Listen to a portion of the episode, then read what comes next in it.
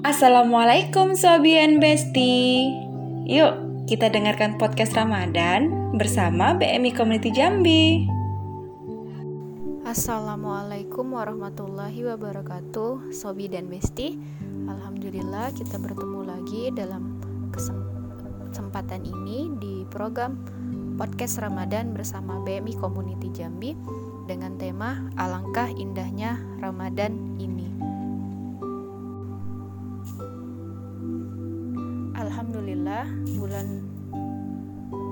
Ramadan telah tiba. Tamu agung nanti nanti telah tercium harum aromanya. Ramadan ini ibarat penghibur hati dan pelipul lara bagi kaum muslimin. Betapa tidak di tengah pandemi yang tak kunjung berujung, di dalam kondisi ekonomi yang lunglai, Ramadan datang membawa rahmat dan ampunan Allah Subhanahu wa taala. Ini seperti ketika Sayyidah Fatimah radhiyallahu anha dan Ali bin Abi Thalib karamallahu wajahahu mengadu tentang beratnya kehidupan mereka pada Rasulullah Shallallahu alaihi wasallam. Sang Rasul mulia tidak memberi mereka pelayan yang diminta, tapi mengajarkan mereka zikir untuk dibaca tiap malam. Demikianlah seorang muslim ketika ujian hidup begitu berat, mendekat kepada ilahi adalah pusat dari segala solusi apalagi yang dibutuhkan seorang muslim jika dia telah punya Allah Subhanahu wa. Dialah Rob yang memberikan penyakit dan sekaligus obatnya. Dia pula yang memberikan ujian dan sekaligus penyelesaiannya. Aduhai, adakah yang lebih membahagiakan hati selain ini? Ramadan, Ramadan, Ramadan. Mendengar namanya saja kita gembira. Setiap mukmin pasti gembira menyambut bulan mulia ini.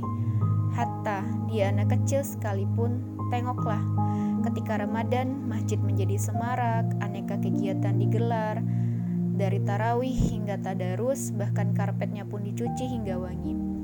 Tak hanya di masjid, rumah-rumah pun semarak dengan tilawah, ibu-ibu yang membujuk anaknya agar kuat latihan puasa, tak lupa harum masakan yang semerbak setiap jelang berbuka. Bahkan televisi pun lebih menyejukkan mata aurat dijaga, ucapan pun dipikirkan terlebih dahulu. Tayangan Islami saling beromba, memberi inspirasi. Andai Ramadan datang sepanjang tahun. Hikmah puasa adalah mewujudkan takwa, bahkan takwa sementara atau selama Ramadan saja, tapi takwa yang sebenarnya, yakni sepanjang masa. Kalimat la'allakum tattaqun pada Quran Surah Al-Baqarah ayat 183 menunjukkan hikmah dari ibadah saum yakni untuk mewujudkan ketakwaan. Ditandai oleh keberadaan huruf La Allah yang dinilai Syekh atau bin Khalil sebagai petunjuk hikmah.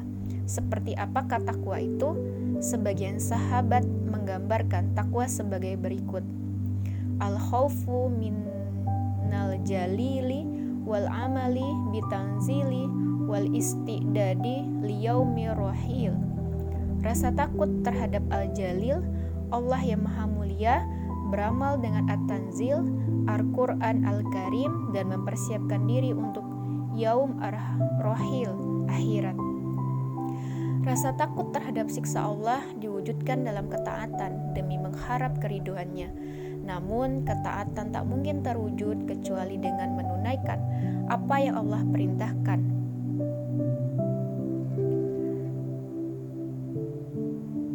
dan menjauhi apa yang Allah larang, di mana itu semua hakikatnya merupakan bekal untuk menapaki hari perjumpaan.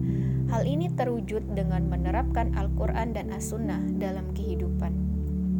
Imam At-Tabari saat menafsirkan Quran Surah Al-Baqarah ayat 183 antara lain mengutip Al-Hasan yang menyatakan orang-orang bertakwa adalah mereka yang takut terhadap perkara apa saja yang telah Allah atas diri mereka dan melaksanakan perkara apa saja yang telah Allah titahkan atas diri mereka.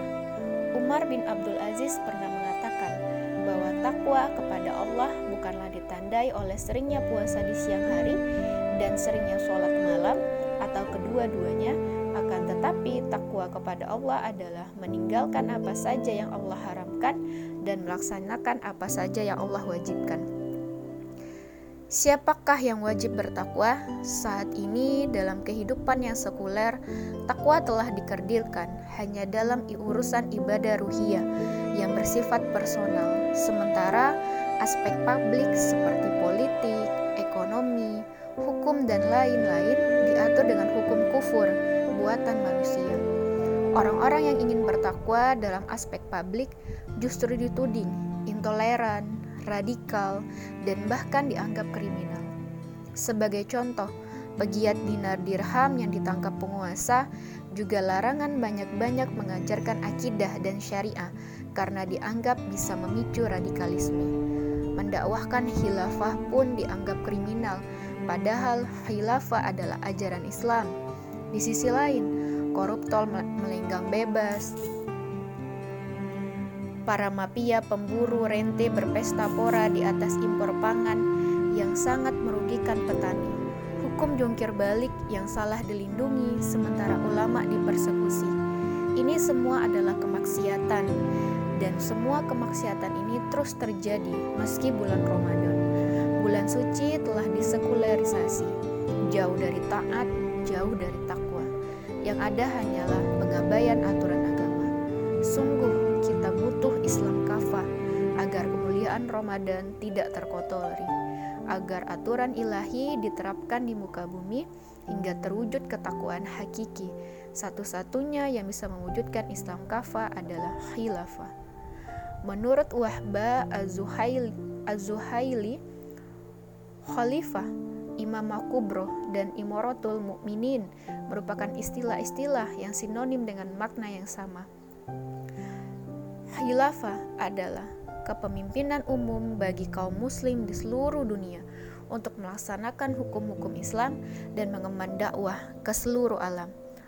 Khilafah akan menjaga agama Islam sebagaimana yang disampaikan oleh Imam Al-Ghazali. Agama adalah pondasi dan kekuasaan politik adalah penjaganya. Sesuatu yang tidak ada pondasinya akan roboh, sesuatu yang tidak ada penjaganya akan terlantar. Khilafah akan mewujudkan ketakwaan sistemik, bukan sekedar personal. Dengan khilafah akan terwujud ketakwaan sejati, bukan basa-basi. Yak itu menjalankan seluruh perintah Allah dan meninggalkan seluruh larangannya selamanya hingga yaumil akhir, bukan hanya ketika bulan puasa. Maka saat Idul Fitri bukan yang bukan hanya kita yang berbahagia, tapi saudara muslim kita di seluruh dunia juga ikut bersuka cita. Kaum muslim di Palestina bebas sholat di Masjid Masjidil Aqsa karena para penjajah Yahudi Israel telah diusir. Muslim Uighur bisa sholat dan puasa dengan aman karena rezim bengis telah dikalahkan. Muslim Rohingya bersuka cita karena memiliki tempat tinggal yang aman dan nyaman, sehingga bisa menjalankan ibadah dengan senyum sumringah. Muslim Yaman bisa makan sahur dan berbuka dengan menu yang lezat dan bergizi, karena negeri-negeri mereka telah damai dan menjadi sejahtera. Begitu pula kaum Muslim di Afrika, Asia, dan di seluruh dunia, semua terbebas dari penjajahan para negara imperialis semua itu karena khilafah Islamiyah terwujud dan menjalankan fungsinya sebagai junnah, yaitu perisai yang melindungi semua muslim dunia, di dunia. Kebahagiaan Ramadan kita pun terasa sempurna. Khilafah inilah mahkota kewajiban yang harus kita wujudkan dengan dakwah amar ma'ruf nahi mungkar. Semoga gelapnya kezoliman segera, segera sirna berganti cahaya kemenangan Islam yang menerangi seluruh penjuru dunia. Amin ya Rabbal 'Alamin. Baiklah, uh, hanya itu yang dapat saya sampaikan. Saya akhiri dengan wassalamualaikum warahmatullahi wabarakatuh.